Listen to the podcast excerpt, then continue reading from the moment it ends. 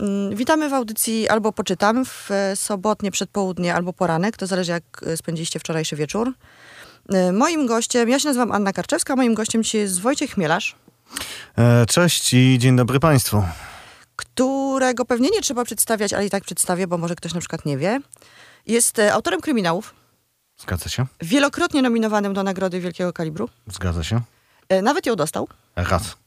I ostatnio, co jest zaskakujące i wspaniałe, znalazł się na liście najpopularniejszych pisarzy w Polsce w mm, zestawieniu Biblioteki Narodowej w badaniach czytelnictwa.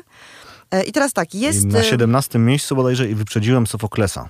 Wyprzedziłeś też Bolesława Prusa. Jakby- Sukces, nie?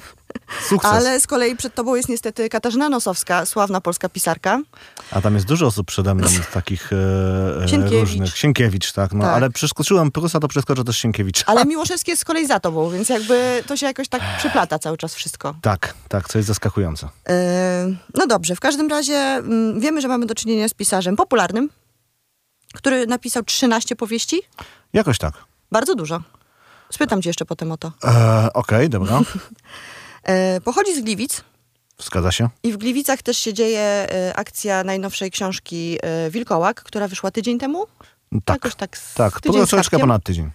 To jest kolejna część mm, trylogii Tak, o Dawidzie Wolskim. zgadza się. Wcześniej była em, trylogia o Jakubie, Jakubie Mordce. A to nie była ten, to nie była To nie była trylogia. trylogia. Co jak się nazywa taka, taka, taki cykl, co ma pięć części? Petrologia? Kwintet. Quintet. Kwintet o Jakubie Mordce. E, no więc tak, porzuciłeś jednego bohatera na rzecz drugiego bohatera. Na pewno ludzie mają ci to za złe. E, I teraz tak. Pierwsze moje pytanie jest takie, tak, w związku z tym, że napisałeś dużo powieści, że dostajesz nagrody, że te powieści się sprzedają i jesteś w tym zestawieniu, to możemy uznać, że odniosłeś sukces.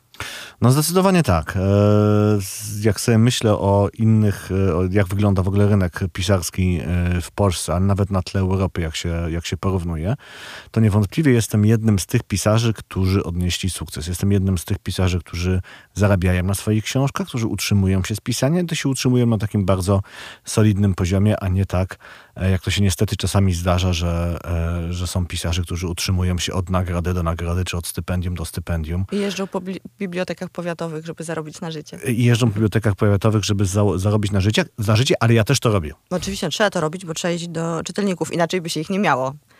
Trzeba to swoje grono trzymać i rozbudowywać. Powiedz mi, czy pamiętasz taki moment, w którym e, pomyślałeś sobie, no może to jest dobry pomysł na życie, żeby napisać kryminał? Jak to się w ogóle stało? W sensie, jak to się dzieje? Że ktoś Nie, takiego, prostu... takiego momentu, wiesz, nie pamiętam, e, bo prawda jest taka, że ja zawsze wymyślałem jakieś historie, tworzyłem jakieś opowiadania, dłuższe formy, krótsze formy. One oczywiście przez długi czas były bardzo kiepskie. Natomiast w pewnym momencie no, wpadł mi pomysł na podpalacze, czyli tą pierwszą część kwintetu o Jakubie Mordce. E, I stwierdziłem, okej, napiszmy to, zobaczmy, co się stanie. Mhm. I to wyszło w wydawnictwie czarnym. To wyszło w czwa- w czarne w roku 2012. I od 2012 roku napisać 13 powieści. Okej, pięć, e, pięć o Jakubie Mordce, trzy o Dawidzie Wolskim, to nam daje osiem. Wyrwa, e, Rana i Żmijowisko, czyli 13. Prosta sprawa, czyli 12. No i Królowa Głodu, czyli 13. Okej, No zgadza dobrze, się. czyli jest. Pięknie. E, Jest to dorobek no, dosyć duży, jak na... Ile to jest? 9 lat. E, I tak i nie. To znaczy, ja Podpalacza napisałem w roku 2010, więc jak masz mi wyliczać e, książki... E, Czasogodziny, Czasogodziny pisania, to musimy zacząć wpisa- e, e, liczyć od 2010 Czyli 10 roku. No już No 11, o Jezu, tak? cały czas zapominam, że jest Mm, 2021. I teraz tak, z jednej strony faktycznie to dużo, tylko trzeba pamiętać, jaki ja gatunek uprawiam. Czyli uprawiam gatunek kryminał, Mhm. który jest częścią literatury popularnej, tak? literatury gatunkowej, jak zwał, jak zwał. Nie będę tutaj Państwa okłamywał, że to jest wielka literatura, bo to nie o to chodzi, nie po to się takie książki pisze, to te, te książki piszę z pełną świadomością, że piszę literaturę rozrywkową po to, żeby Państwo na wakacje, w podróży, albo też e, w domu wieczorem miło spędzili czas czytając książkę. E, zasada z rynków zachodnich, z, z Wielkiej Brytanii, ze Stanów Zjednoczonych, o tym pisał kiedyś Stephen King w Worku Kości, tak? Mhm. E, jest taka, że trzeba wydawać jedną książkę rocznie. Mhm. E, właśnie w Worku Kości jest taki e, piękny motyw, że pisarz y, właśnie książek sensacyjnych, e, publikuje tą jedną książkę rocznie, e, po stracie żony ma kryzys twórczy i nie potrafi nic napisać. Na szczęście do tej pory, do tej pory pisał dwie książki rocznie i sobie zachomikował w Sejmie, więc co wiesz, co, Bardzo co, co rok wysyła z Też tego, tak ale zaczyna mu się, zaczynają mu się kończyć za, zapasy, nie? I staje przed takim trudnym wyborem co teraz ma zrobić. E, więc jedna książka rocznie, tak? Natomiast w Polsce rynek teraz wygląda tak, że e, i czytelnicy, i wydawcy, i sieci księgarskie, a właściwie wszystkie podmioty, które są obecne na rynku, wymagają, żeby tych książek było więcej. Więcej niż jedna książka rocznie, co jest strasznie problematyczne, bo żeby tak uczciwie napisać, e, napisać książkę, no to trzeba poświęcić kilka miesięcy e, pracy, nie tylko na samopisanie, ale też na, na, na research, na y, analizę, na przygotowanie się do pisania, potem redakcja i korekta, tak? Co oczywiście e, ma związek z tym, e, że sukces odniósł, tak? Najpopularniejszy autor w Polsce według e, badań Biblioteki Narodowej, e, czyli Remigiusz Mróz, tak? Tak. Jak się okazało, Wyżej że jest... Tak, wyżej niż Sienkiewicz. Jak się okazało, że jest facet, który pisze siedem, czy wy, wydaje, bo nie wiadomo ile on pisze, ile trzyma w tym swoim sejfie, siedem, osiem książek rocznie, one się świetnie sprzedają i czytelnicy to kupują, no to nagle wydawcy uznali, okej, to tak trzeba robić. Tak? I w tej chwili mamy, mamy rynek strasznie podażowy, gdzie autorzy są bardzo naciskani przez wszystkie podmioty na rynku, tak jak mówiłem, bo to nie tylko czytelnicy, ale też sieci księgarskie, które się domagają kolejnych książek do sprzedaży, żeby tym asortymentem żonglować. I wydawcy, którzy widzą, co się dzieje na rynku. Tak? Nawet ja mam bardzo dobrą pozycję w bardzo dobrym e, wydawnictwie, ale i tak tam proszą mnie, a czy dałoby się coś szybciej zrobić, tak? E, żeby wydawać więcej. E, co mówię to z pełną odpowiedzialnością, także świadomością, że mówię e, być może o swoich książkach, odbija się na jakości. I musi się odbić na jakości. Ja się zastanawiałam, wiesz, jak e, czytałam e, twoją najnowszą powieść, bo czytałam, żeby nie było. E, I muszę to powiedzieć na antenie. To jest pierwszy kryminał, który przeczytałam od czasów milenium. I ja generalnie kryminałów nie czytam. Bardzo lubię je oglądać. I to jest jeden z moich ulubionych gatunków. I nagle się zorientowałam, czytając twoją książkę, że to jest w zasadzie to samo. W sensie, że taką samą przyjemność mi daje czytanie książki kryminalnej, jak oglądanie kryminału. Ja od razu to przekładam oczywiście na obrazy. Pięknie się wszystkie wątki zaplatają, pojawiają się kolejne postacie, więc jakby e, znalazłam coś dobrego dla siebie w, e, w książkach kryminalnych. Mam nadzieję, że teraz nie porzucę wszystkiego innego, żeby czytać kryminały. E, Ale zauważyłam, że jest taka tendencja i w Polsce i za granicą, żeby pisać właśnie kwintety, sekstety, y, trylogie i tak dalej o jednym bohaterze. Czy to ma trochę związek z tym, że trzeba te książki pisać szybko i po prostu łatwiej jest napisać na już stworzonej tak postaci? I nie. I tak i nie. Znaczy na pewno jest łatwiej, wiesz, napisać na stworzonej postaci Mhm. i szybciej, tak? Natomiast znowu, no jak piszemy kryminał, no to piszemy, to jest w skrócie książkę o jakimś śledczym, który rozwiązuje zagadkę kryminalną, Mhm. tak? No i wiesz, po pierwsze musimy wymyślić, dlaczego ten śledczy w ogóle ma się tą zagadką kryminalną zajmować. Najprostsze wyjście to jest takie, że jest jakiś policjant, e, detektyw, prokurator, e, dziennikarz. Ktoś taki, który z powodów zawodowych musi się zajmować takimi sprawami. I teraz wiesz, pytanie takie, e, ile możesz postaci policjantów wymyślić w ciągu życia po to, żeby one były ciekawe, tak? Znaczy to już łatwiej wziąć jedną i ją ciągnąć e, w kolejnych tomach, szczególnie, że czytelnicy to lubią. Czytelnicy przywiązują się do bohaterów, czytelnicy chcą czytać o tych samych bohaterach, em, więc jak oni chcą i dla nas to jest wygodne i właściwie jest to bez żadnych e, strat dla jakości książki, bo też umówmy się, ten bohater w kryminale wcale nie jest najważniejszy. Bardzo często. Najważniejsza jest zagadka, najważniejsza jest intryga. No to czemu tego nie robić? Ale to jest ciekawe, bo to e, no, zaczął to Conan Doyle, w, e, robiąc, tworząc Sherlocka Holmesa, którego próbował nawet w pewnym momencie uśmiercić, ale dostał, z tego co pamiętam, pogróżki Bęcki, i Bęcki, jakieś tak, Bęcki od czytelników. wściekłe po prostu listy i ludzie stali mu pod oknami i mówili, że ma natychmiast przywrócić do życia Sherlocka Holmesa, co zresztą uczynił ze szkodą dla swojego pisarstwa. I tutaj mamy, ja się zastanawiałam się, jak zaczęłam czytać twoją książkę, nie mogę przeczytać pierwszego zdania, bo zawiera przekleństwo, jesteśmy w, Radiu A chyba Studenckim. pierwsze nie. Prolog nie, ale pierwsze A zdanie... pierwsze zdanie już- tak. Pierwsze zdanie tak. E, Zresztą e, głównego Ale to bohatera... możesz zamienić na wiadro.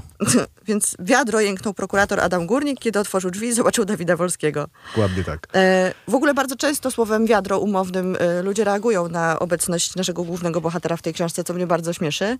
I zastanawiałam się nad tym, bo jakby ten model takiego zmęczonego życiem 40-letniego, do tego jeszcze wrócimy, bo, bo to mnie irytuje, że zawsze to są 40-latkowie, a nie 50, bo jednak świat poszedł do przodu. 40-latkowie nie są zapuszczeni i starzy, więc bardzo proszę przesunąć te granice na 50. Się E, z całego- 50-latkowie Z całego serca.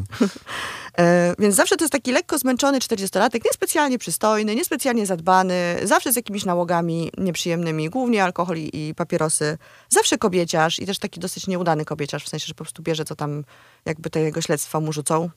I zastanawiałam się przez chwilę, ile razy ten, e, ta postać jeszcze może się w literaturze pojawić, a potem sobie przypomniałam wszystkich tych bohaterów, których już poznałam albo w filmach, w serialach, albo w książkach i pomyślałam sobie, że w zasadzie e, ten e, archetyp głównego bohatera kryminału w ogóle się nie, nie spiera. W sensie za każdym razem jak czytamy, to, go, to, to ten bohater jest przez nas lubiany, jakby doceniamy to, że ma słabości i za każdym razem, przynajmniej ja, wchodzę absolutnie z nogami w, w to, że to jest znowu zmęczony życiem 40-latek z nałogami, to jest niezadbany. E, no i zwróć teraz uwagę na e, najnowszy, zresztą świetny serial HBO, Mary of e, Easttown, tak? Z, mm -hmm. Nie oglądam go, jest za smutny. E, gdzie bohaterką główną jest e, ponad 40-letnia zapuszczona policjantka, mężczyźniara mhm. e, z problemami osobistymi i nadużywająca papierosów i alkoholu. Tak, to prawda. Tak? Jeszcze zrobili z Kate Winslet kogoś, kto jest nieatrakcyjny. Nie wiem, jak to zrobili. To jest ona jest trochę atrakcyjna, jak się tam odstawi, ale najczęściej ona chodzi nieodstawiona.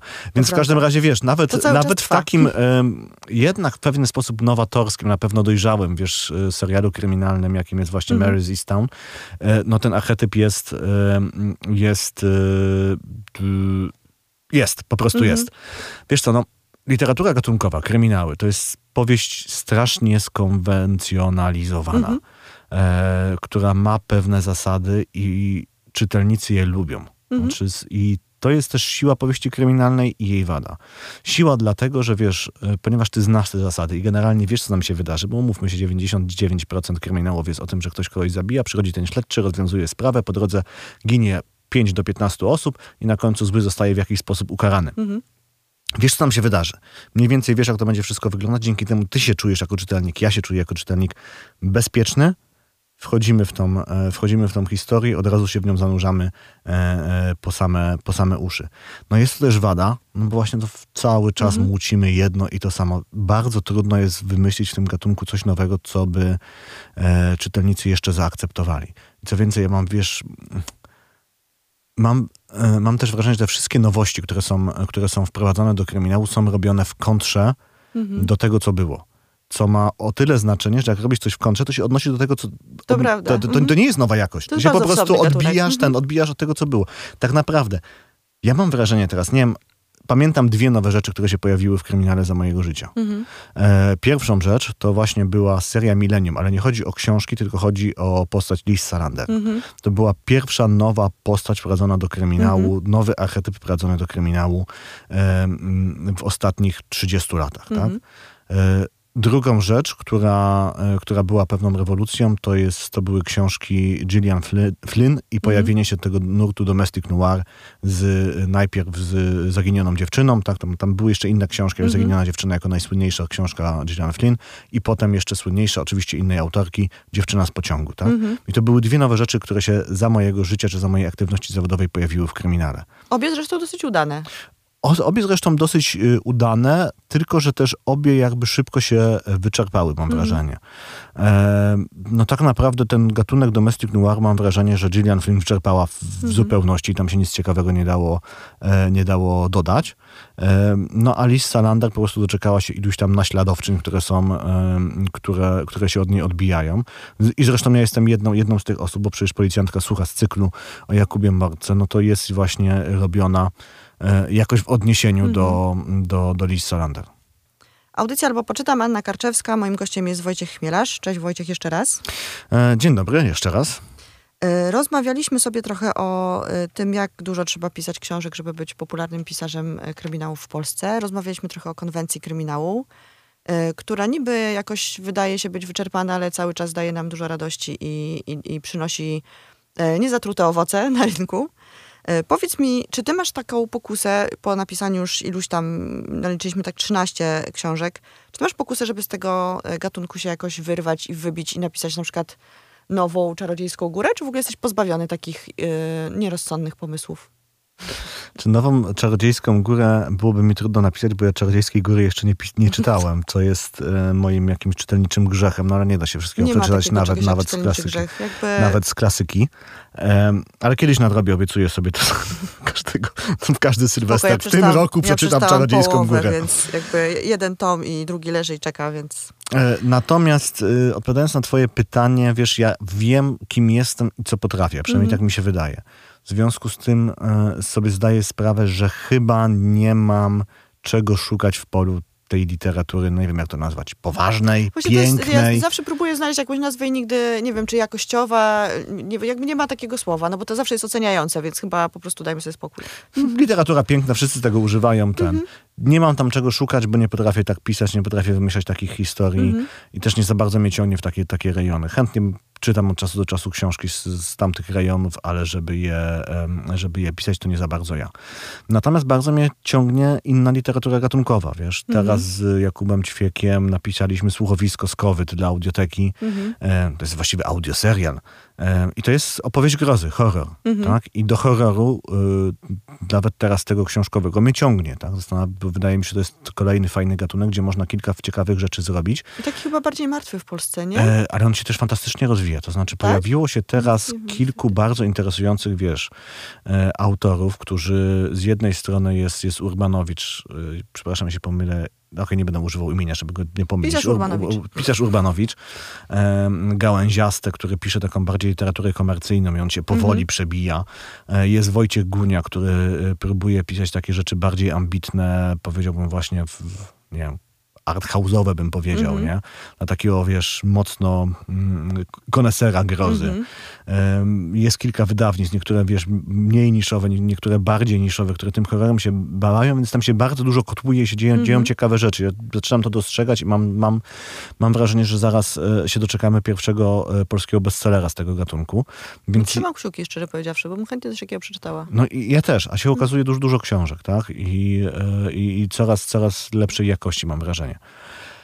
No, e, więc horror, ale też, wiesz, szeroko pojęta fantastyka, tak? Mhm. To jest coś, co mnie też ciągnie, co kiedyś byłem związany z tym gatunkiem bardziej, teraz jestem związany mniej, a może do tego wrócę.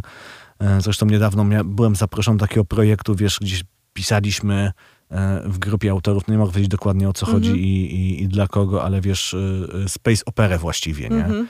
gdzie w- latały statki w kosmosie i strzelały laserami i zapraszamy do tego projektu. Sobie pomyślałem, kurczę, chcę w tym wziąć udział tylko po to, żeby zobaczyć, wiesz, czy potrafię coś takiego napisać. No się okazało, że potrafię. Mhm. Więc chciałbym zrobić coś innego, nie tylko kryminał, ale to nie dlatego, że chcę porzucić kryminał, tak? I nie dlatego, że uważam, że ten gatunek jest martwy, bo wbrew temu, co mówiliśmy przed przerwą, to jest bardzo szeroka szuflada, której ciągle da się napisać jakieś fajne, przejmujące historie. lubiana, więc I bardzo lubiana, ale wiesz, ale, ale, ale już abstrahując od tego, że ona jest lubiana, tak, że jest popularna, no po prostu da się ciągle napisać ciekawe historie i da się, da się opisać ciekawe rzeczy, tak? I mam, mam nadzieję, że udaje mi się to robić, tak? Ciągle, mi się, ciąg, ciągle mnie ten gatunek bawi. Natomiast uważam, że w związku z tym, że to jest taka silna konwencja, to jeśli się nie chce stać więźniem tej konwencji, to po prostu co pewien czas trzeba sobie rzucać jakieś wyzwanie Mhm. twórcze, żeby rozruszać umysł, tak? żeby umieć, e, żeby poszukać w swoim arsenale innych narzędzi, e, z innych gatunków być może i potem zastanowić się, czy ja je, mogę to zastosować właśnie, e, właśnie w, w kryminale. Takim świetnym przykładem, jak to działa, jest Anna Kańtoch, tak? która pisze, pisze kryminały, ale, ale nie tylko. Ona się wywodzi z środowiska fantastycznego i ten wpływ fantastyki na jej kryminały e, widać bardzo wyraźnie. Nie, nie chodzi o to, że one są, tam są jakieś nadnaturalne historie, bo one są bardzo, powiedziałbym, bardzo klasyczne, jeśli chodzi o zagadkę, wręcz, wręcz nawiązują do tych kryminałów Agaty Christie. E, Natomiast czuć tam takie, wiesz, poczucie, nie wiem, jakiejś tajemnicy, jakiejś niesamowitości, takie, wiesz, kurczę, widzimy, że ci bohaterowie zderzają się jednak z czymś, co przekracza ich pojmowanie, nawet jeśli to wszystko jest absolutnie racjonalne. E, I, I to mam wrażenie, że to dlatego, że Anna Kańtoch ma te narzędzia właśnie, e, ma te narzędzia, które wyniosła z, z tej działki e, fantastyki. Ja mam już takie wrażenie, czytając twoją książkę, bo rozmawiamy przy okazji Wilkołaka, kolejnej części trzeciej książek o detektywie Dawidzie Wolskim, dziejąca się, książki dziejące się w Gliwicach, przynajmniej ta, czy poprzednie też? Też Tak, muszą. poprzednie też, Wampir i Zombie też siedziały w Gliwicach. Ym, I rozmawiamy przy okazji tej książki i ja zaczęłam czytać, ym, jak już mówiłam przed przerwą, pierwszy kryminał od bardzo, bardzo, bardzo da- dawna, od czasów milenium. Y, I tak sobie pomyślałam, że coś, coś, co mnie w tym kryminale gdzieś tam interesuje i tak samo jest z tymi serialami, że y, w ogóle chyba w, po, w powieściach gatunkowych tak samo jest science fiction, tak samo jest, y, uważam też z romansami, których czytam jakby stosunkowo najmniej, ale zdarzało się. Bardzo to jest dobre i wdzięczne medium do przekazywania tego, co się dzieje w społeczeństwie i do przekazywania jakichś zmian, tego, co się dzieje w, nie wiem, tu akurat y, mamy Śląsk, tak, ale w mentalności ludzkiej, nie wiem, w podchodzeniu do różnych tematów. I też zmieniają się jakby okoliczności, w których e, w skrócie mówiąc, niedobrzy ludzie, czyli mordercy zazwyczaj, e, nie wiem, gwałciciele i w ogóle jacyś e, przestępcy, dopadają swoje ofiary. I u ciebie jest w ogóle taki dosyć ciekawy dla mnie motyw, który mnie przeraził do, w, w, podczas czytania. Nie wiem, czy mogę to zdradzić, ale myślę, że to nie będzie jakieś super, super psujące zabawę że jakby ci mordercy powoli y, zaczynają się przerzucać na ich jakby miejscem do poszukiwań ofiar jest internet i media społecznościowe. I jest tu taki moment, kiedy piszesz o tym, co zrobiła dziewczyna, y, wystawiając się jakby na, no, na widok tego złola, jak to mówi moje dziecko. Tak. E, I ja to czytałam i tak sobie myślę, cholera jasna, muszę sprawdzić, co ja mam u siebie na Instagramie, jak mam poblokowane swoje social media.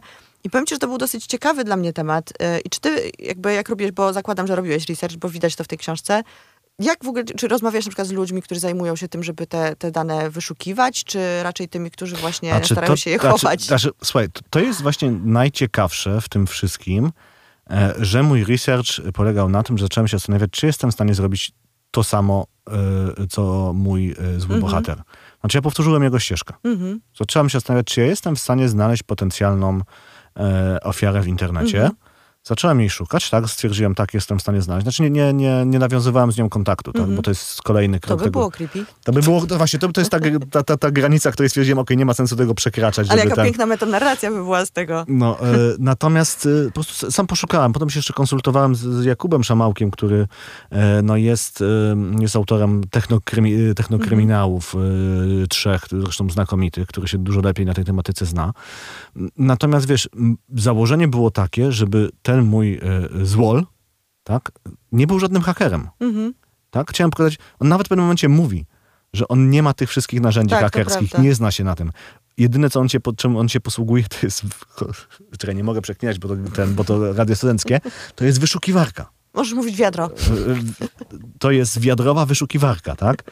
E, e, i tak, to jest troszeczkę przerażające. Tak? Znaczy, jak sobie zaczniesz analizować, mhm. co ludzie udostępniają w social media, jak bardzo. I nawet wiesz, nie będę tutaj tworzył narracji o tym, że y, oglądają nasze social media seryjni mordercy, mm-hmm. ale przecież wiadomo. I to ale jest wiedza, są różni, no nie ale, są wiedza, wiedza powszechna jest taka, że kurczę, Instagram i Facebook to jest e, w tej chwili jedno z podstawowych narzędzi włamywaczy. Mm-hmm. Znaczy, możemy prosić sąsiadkę, żeby nam włączała światło, możemy zamontować automatyczne włączniki światła, no tak. ale jak oni widzą no zdjęcia z wakacji niestety. na Teneryfie, sobie myślą, okej, okay, nikogo nie ma w domu, nie? Mm-hmm. Możemy wchodzić.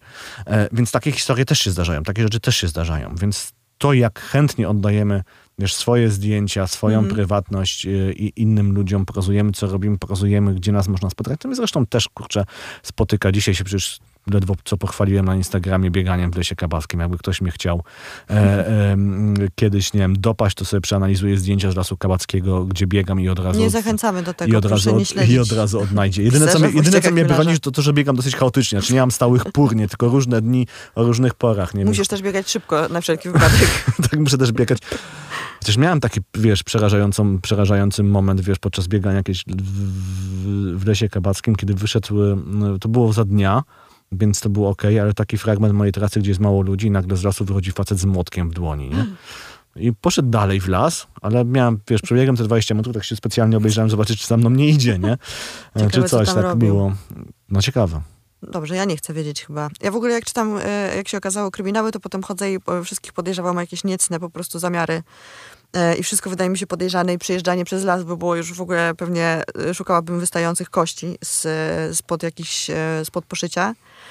E, jest jeszcze jedna rzecz, która mnie zainteresowała, e, taka no, społeczna powiedzmy w, w twojej książce. Piękna scena. E, rozmowy z księdzem na temat zdrady. To też jakoś specjalnie nie, nie psuje ludziom zabawy. Nie, bo to są jedne z pierwszych scen, żeby państwa, państwa uspokoić. To jest chyba na pierwszych 30 stronach. I to jest w ogóle cudowna, cudowna scena, dlatego że widać, widać swoją sympatię do kościoła katolickiego w tej scenie. Okej. I tam jest, e, tam jest tak, że przychodzi małżeństwo, które, no, w którym pojawiło się, e, m, ktoś kogoś zdradził i ksiądz generalnie młody, jakoś niespecjalnie obyty i opierzony, e, w pewnym momencie po prostu stwierdza, że e, no najwyraźniej po prostu kobieta coś spierniczyła w tym związku, skoro mężczyzna ją zdradził. Nie wiem, nie była zbyt czuła, nie wiem, nie gotowała, nie zajmowała się nim i tak dalej i generalnie e, tłumaczy jej, e, między słowami oczywiście, że no może by się przyjrzała swoim, e, swoim działaniom i swojemu życiu. I to jest taka scena, przy której ja zaciskałam mocno łapki i byłam naprawdę zła na to, bo zdaję sobie sprawę z tego, że e, tak to wygląda właśnie. Czy ty miałeś to jakiś... tak- to tak- tak e, skąd wygląda. to wiesz w ogóle? Bo ja się To z- domyślam tylko. A czy ty, ty Znaczy ja to, ja to wiem, słyszałeś z- od ja, kogoś? nie, nie słyszałem od nikogo. E, to było, słuchaj, badanie tego, co e, się pisze na stronie różnych poradni małżeńskich Mhm. e, przy różnych parafiach, jakie oni poradniki umieszczają. Obawiałam się, że to jest E, prawda. e, tak, to jest prawda. Ja bym, wiesz, bo z, m, mówiłaś o tej mojej sympatii do kościoła e, katolickiego, tak? I wiesz, ja wychodzę z założenia, że jeśli do kogoś się czuje taką sympatię jak ja do kościoła katolickiego, Dlaczego to trzeba, nie, to trzeba pisać y, na serio. To znaczy, Mhm. wiesz, jak kogoś nie lubisz, to bardzo łatwo w książce z niego zrobić karykaturę. Mhm. I to jest złe, bo wtedy, wiesz, to, to nie będzie prawdziwe, tak? Więc zwróć uwagę, że tam ta, ta kobieta, która, e, ja nie jestem wierząca, ale ta kobieta, która przyjdzie do tego kościoła, ona tam przychodzi z autentyczną duchową potrzebą, Mhm. żeby ktoś jej pomógł. Ona jest, głęboko wierząca. E, ta wiara jest jednym z fundamentem jej osobowości. Ja to traktuję absolutnie serio i chciałem pokazać właśnie, jaki ona ból przeżywa w zdarzeniu z tą Mhm. kościelną machiną. Nie wyśmiewając jej potrzeb, nie wyśmiewając tego, dlaczego ona tam przychodzi i, do, i, i, i dlaczego potrzebuje tej pomocy, pomocy księża. Te teksty, które, które, które ten ksiądz y, y, wypowiada, to są teksty, które są właśnie z różnych poradników małżeńskich, z poradni Mhm. małżeńskich y, przy różnych parafiach działających wyciągnięto. Właśnie to jest, to jest bardzo fajne. W, na, na razie mogę mówić o twoim kryminale i o um, Stigu Larsonie, więc jak mój wachlarz, mój wachlarz jest wąski, ale, Ale wydaje mi się... fajne- ale z kolei zestaw. oglądałam ich bardzo dużo i to jest w ogóle wspaniałe właśnie, że w, jakby ta, te, takie podłoże społeczne się cały czas zmienia no, od e, czasów e, Sherlocka Holmesa i nie wiem, Arsena Lupin albo właśnie Agaty Christie, e, czy nawet Chandlera, który cały czas jest takim, e, jak dla mnie, po prostu wzorcem dobrego kryminału, właśnie dlatego, że jest po pierwsze dowcipny, a po drugie bardzo mocno osadzony jednak w rzeczywistości. To te kryminały się bardzo dobrze czyta też, jak już się zostawi, od, odłoży na bok te czysto kryminalne aspekty i tą całą zagadkę i tak dalej, która bardzo często masz rację. E, Szczególnie w tych serialach jest tak, że jest taki moment, w którym po prostu siedzisz i mówisz tak, aha, to ja już wiem. U ciebie miałam taki moment, ale oczywiście okazało się, że to nieprawda. Więc zachęcam, Udało się. zachęcam do przeczytania Wilkołaka, bo myli tropy. E, I ja też bardzo lubię obserwować właśnie ten, to, jakby to tło tych kryminałów, nie? To, co się tam dzieje w, między ludźmi, e, jak się pokazuje stosunki społeczne, nie wiem, bardzo często to w, w kryminałach występują te biedniejsze warstwy zestawione z tymi bogatymi ludźmi, którzy trzymają władzę, no bo zawsze musi być jakiś taki, oprócz złola złola, musi być złol, który jest po prostu na wysokiej pozycji społecznej, ma, nie wiem, pieniądze albo Jasne. władzę. E, I to wszystko jakby absolutnie odpowiada mojemu wy- wyobrażeniu o świecie, więc, e, więc ja lubię czytać takie książki. I będę A teraz czytała a niestety więcej przez A ciebie. mnie to ten, a mnie to zaczyna irytować. Naprawdę? Tak, to znaczy szczególnie w przypadku szwedzkich kryminałów czy skandynawskich, Mhm. bo, on, bo oni zaczęli, no właśnie, zaczęli pisać wszystko pod jedno kopyto. Znaczy zaczął Mankel i to znowu, okej, facet, który wprowadził coś nowego, tak, na, znaczy on był, nie tyle on wprowadził coś nowego, tylko był symbolem tych zmian i pewnie jakim najdosko, najdoskonalszym wykonawcą. On zebrał Mhm. owoce pracy, którą wykonywali przed nim inni, co nie jest zarzutem wobec Mhm. niego, po prostu tak się czasami dzieje. Nie? Inni robią, wiesz, budują fundamenty i nagle pojawia się ktoś, kto, kto, mm, e, kto odnosi ten największy sukces i to akurat był Mankel, który na serio potraktował właśnie kryminał jako narzędzie do diagnozy społecznej. Mhm. Tylko, że potem próbowali to zrobić wszyscy inni Szwedzi.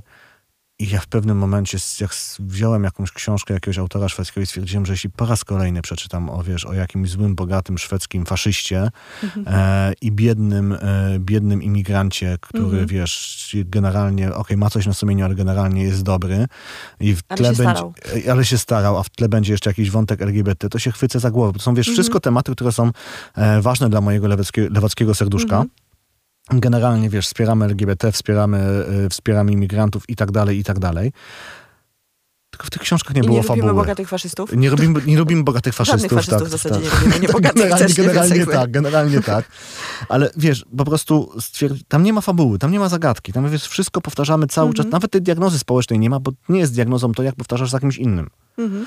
E, zapomnieli Szwedzi, jak się pisze kryminały, jak się tworzy intrygi, jak się tworzy ciekawe fabuły. Mhm. Więc ja się w pewnym momencie zacząłem trochę od tego, tego uciekać i stwierdziłem, że kurczę, nie ja się muszę skupić na fabułach, muszę się skupić na intrydze, a nie próbować ludziom Mhm. e, przekazać e, prawdę o świecie. Ale patrz, tak ci wyszło. E, No dzięki, ale to nie dlatego, że to był mój główny cel. Mhm. Tak? Dla mnie dużo ważniejsze było to, żeby dać fajną, e, fajną rozrywkę na kilka godzin. Kilka godzin? Mój Boże, ja muszę jakoś wolno czytać. Ale czyta się dobrze i szybko faktycznie, bo jakoś nie zajęło mi to, może nie kilka godzin, nie wiem kto czyta tak szybko, już bez przesady. Może dlatego, że robiłam notatki. E, powiedz mi jeszcze jedną rzecz na koniec. E, wiem, że to jest zawsze trochę poleminowe, ale jacy są według ciebie najciekawsi polscy twórcy kryminałów? No, mówiliśmy już e, o Annie Kańtoch, która ja teraz jestem pod wrażeniem, bo ona za chwilę wydaje... Przepraszam. Teraz jest, jest ten moment, kiedy bierzecie, kochane słuchaczki, kochani słuchacze, y, ołówek, długopis i zapisujecie sobie tytuły książek. Dziękuję. Ja jestem teraz po lekturze e, Lata Utraconych. To jest Mhm. książka, która każe się na początku czerwca i to jest e, e, świetna rzecz. Mhm. Bardzo cenię to, co teraz robi Kuba Ćwiek w kryminale, bo napisał czy to jest kryminał do końca, to nie wiem, ale jest taka książka pokoleniowa, książka o przejściu, czyli e, Topiel, Mhm. o grupie młodych chłopaków, którzy, którzy Ja przeżywają, którzy, którzy przeżywają tą powódź stulecia w 97 roku w Głuchołazach, tak? I wiesz, to jest opowieść o tym lecie, kiedy z chłopca stajesz się mężczyzną, Mhm. nie? Fantastyczna książka, ale potem przyszedł z Drelichem, który jest taką, wiesz, stuprocentową, twardą powieścią sensacyjną, po prostu czyta z wypiekami na twarzy i e, fantastycznie zbudowane postaci. Właśnie oglądasz to jak film, tak? To Mhm. znaczy czytasz to jak film. Mhm. Z, te sceny walki są tam tak realistyczne, tak dobrze przedstawione, co jest trudne. Mhm. E, że potrafisz sobie dokładnie wyobrazić ruch po ruchu. Świetna rzecz. E, oczywiście bardzo, e, e, bardzo cenię mm, Zygmunta Miłoszewskiego, z, z, bo, bo ta ostatnia kwestia oceny zrobiła na mnie duże wrażenie. Mhm. E, to jak to było wymyślone, jak to została prowadzona akcja, jak ta akcja jest bogata, tam jest tyle szczegółów, po prostu, nie wiem, Zygmunt teraz jest jednym z najlepszych autorów w Europie pewnie powieści thrillerów, powieści sensacyjnych, Mhm. kryminalnych. E, kogo ja tam mam jeszcze w głowie? E, w głowie mam też e, Bartek Szczygielski zaczyna robić ciekawe rzeczy, ale też książkę, która dopiero się okaże, ukaże i interesuje mnie ewolucja pisania Mariusza Czubaja. Mhm. Bo on z kolei O, zac- przepraszam, to jeszcze czytałam. Czytałam tę książkę o, o jazzie w Warszawie. około północy. Około północy. Strasznie mi się ta książka podobała. Tylko, że, Czytałam. No to ta- oszukałam cię. Kurczę, sorry. I potem ten, i teraz wydał y, ostatnią część, ty, przepraszam, nie pamiętam tytułu te, te, tej swojej cyklu o Rodolfie Hensie. Zresztą kolejną ostatnią część, bo on chyba już trzy książki zapowiadał, że są ostatnie o nim. Ale wiesz, mnie, mi imponuje e, w pewien sposób to, że on przestał się przejmować tym, że ta książka ma mieć jakąś fabułę, jakąś Mhm. intrygę. To są właśnie w dobrym znaczeniu tego słowa, to są takie, wiesz, improwizacje jazzowe na tematy kryminalne. Mhm. E, Ja wiem, że nie każdemu czytelnikowi podejdzie, ale on ma takie właśnie chandlerowskie opisy rzeczywistości, chandlerowskie dialogi, takie soczyste, mocne. Ta intryga tam jest mocno pretekstowa, tak? Mhm. E, Po prostu służy jako jakiś tam, wiesz, kręgosłup po to, żebyśmy mogli wo, wo, wokół tego tworzyć sobie kolejne, Mhm. e, kolejne improwizacje, kolejne jazzowe sekwencje. Strasznie mi się to podoba. Jestem ciekawy, gdzie go to zaprowadzi. A z takich twoich mistrzów niepolskich? Bo zakładam, że mistrzowie są niepolscy niestety. Nie wiem, czemu taka jestem podła, ale tak mi się wydaje. Nie, a czy wiesz co, ja mistrzów e, nie, mistrzów e, chyba nie mam. To znaczy, z- No wiesz, to jeśli... dlaczego zacząłeś pisać kryminał? To bez sensu. A ja Losowałeś sobie? kie- kiedyś miałem. Kiedyś miałem, wiesz, bardzo mi John Esbo imponował, ale Mhm. ostatnio przestał. Kto mi jeszcze? Denis Lihane, okej, jako, Mhm. jako facet, którego, wiesz, jaką drogę twórczą chciałbym powtórzyć. Znaczy, gdybym miał e, na koncie takie książki jak Denis Lihane, to bym powiedział, okej, czuję się spełniony, bo on z jednej Mhm. strony ma, wiesz, taką serię książek o prywatnych detektywach z Bostonu, to są takie kryminały, kryminały, Mhm. wiesz, typowe, e, a co pewien czas wali, wiesz, taką książkę jak Rzeka Tajemnic właśnie, Mhm. nie? Czyli niby kryminał, znaczy nie, nie jesteś w stanie tego inaczej zakwalifikować jak, jak klasyczny kryminał, ale No tak, ale czujesz wy- ten, ale czujesz, że to jest coś więcej. Mhm. Tak? I nagle się okazuje, patrz, w tym gatunku można napisać coś takiego jak Mhm. Rzeka Tajemnic. Więc y, gdybym mógł powtórzyć jego drogę, to, było, to byłoby super, ale wiesz, ci autorzy właśnie, których wymieniłem, Anna Kańtuk, Zygmunt Miłoszewski, Kuba Ćwiek, Mariusz Szułaj, to są autorzy, których książki ja sobie teraz podpatruję i analizuję sam, Mhm. zastanawiając się, co ja jestem z tych lektur od nich wyciągnąć, e, mm, e, właśnie, kurczę, po, po lekturze Drelicha miałem taki moment, wiesz, kiedy stwierdziłem, kurczę, się muszę bardziej starać, bo e, mieliśmy z Kubą tak, że e, ja wydałem wcześniej powieść sensacyjną, prosta sprawa, on wydał teraz Drelicha i moim zdaniem Drelich jest lepszy. Tak i stwierdziłem, nie, nie mogę, to się nie może powtórzyć, nie muszę się bardziej przyłożyć do pisania, muszę, muszę zobaczyć, co tam Kuba zrobił, jak, jak on popracował i, i, i następna książka, żeby była lepsza od Drelicha. No zobaczymy, czy mi się to uda. To jest jeszcze taka rzecz, która, której zazdroszczę e, z boku patrząc oczywiście pisarzom i pisarkom kryminałów, dlatego że wydaje się, przynajmniej z boku patrząc właśnie, że to wasze środowisko jest generalnie mocno ze sobą zaprzyjaźnione i bardzo sobie mm, życzliwe, bo generalnie jest tak, że w świecie literackim, poetyckim to tak z tymi, z tą życzliwością i, e, i mówieniem o sobie w superlatywach jest e, różnie.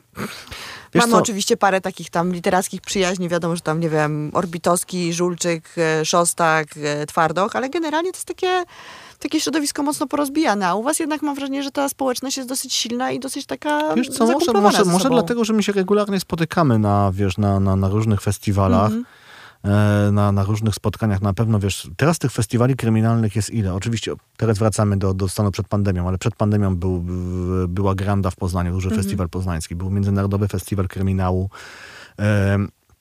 We Wrocławiu była afera Mhm. w Gdańsku kryminalna. Był, e, był oczywiście bardzo zasłużony, chociaż mniejszy festiwal kryminału w Pile. Mhm. E, I pewnie jeszcze jakąś kurczę imprezę mógłbym sobie wymyślić, tak? Czyli No wiesz, Wrocław jeszcze. Mówiłem, Międzynarodowy jest- Festiwal jest we, we, we Wrocławiu. Więc wiesz, więc mamy co najmniej cztery duże imprezy, Mhm. gdzie my się regularnie spotykamy. No to też głupio, wiesz, podsrywać sobie Mhm. regularnie w necie, jak mówić, wiesz, że za trzy miesiące będziesz musiał tego człowieka spotkać na żywo w knajpie, nie? I wiesz, głupio będzie udawać, że go nie znać i pić z nim piwo, nie? Ale to nie ty, ale też działa to w drugą stronę. My się, wiesz, po prostu poznajemy, rozmawiamy ze Mhm. sobą i no, nie, jest jakaś, oczywiście tam pewnie można wymienić parę animozji, natomiast nie, no, faktycznie jest, jest duża życzliwość, no. To jest bardzo fajne. E, No dobrze, e, gadamy już ile? 40 minut, więc e, musimy powoli kończyć. E, Bardzo serdecznie zachęcam was do tego, żeby sięgnąć po książkę Wojciecha Chmielarza Wilkołak. E, Zbliżamy się do jakiejś znowu czerwcówki, czy jakiegoś innego długiego, wolnego weekendu. Powoli. E, Myślę, że możecie spokojnie wziąć wszystkie trzy książki Chmielarza na taki czterodniowy wyjazd, bo skoro ludzie czytają to parę godzin, to pewnie wam wystarczy. Nawet jeżeli czytacie tak jak ja, trochę wolniej. E, Czytajcie książki kryminalne. Bardzo byłoby mi miło, gdybyście napisali do mnie na maila anna.karczewska małpa radiocampus FM. E, Czy lubicie kryminały, czy czytacie i em, o czym jeszcze chcielibyście, żebym porozmawiała z gośćmi albo poczytam. I co, idźcie na spacer, e, bawcie się dobrze. Wojtek, bardzo ci dziękuję. Ty też idź na spacer i baw się dobrze. E, I może jeszcze kiedyś przyjdziesz pogadać, co? Jak napiszesz horror, no z, oczywiście, że tak. I sobie przypomniałem jeszcze oczywiście o Warszawskim Festiwalu Kryminału, tak? o którym ja w ogóle nic nie wiem. Na, a który odbyła się już trzecia edycja w tym roku, e, więc y, i, i się robi z tego fajna impreza w końcu w Warszawie kryminalna.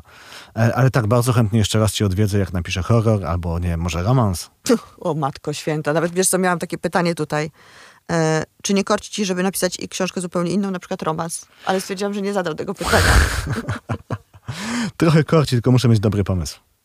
No dobrze. E, I, I zaczerpnąć e, do jakichś innych środków językowych, bo myślę, że środki ze zbrodni mogą się jakoś niespecjalnie sprawdzać w pisaniu romansu. Anatomiczne opisy, może nie, jednak mimo wszystko. I popękane kości. No dobra. Dziękujemy bardzo. Do usłyszenia za tydzień i tyle.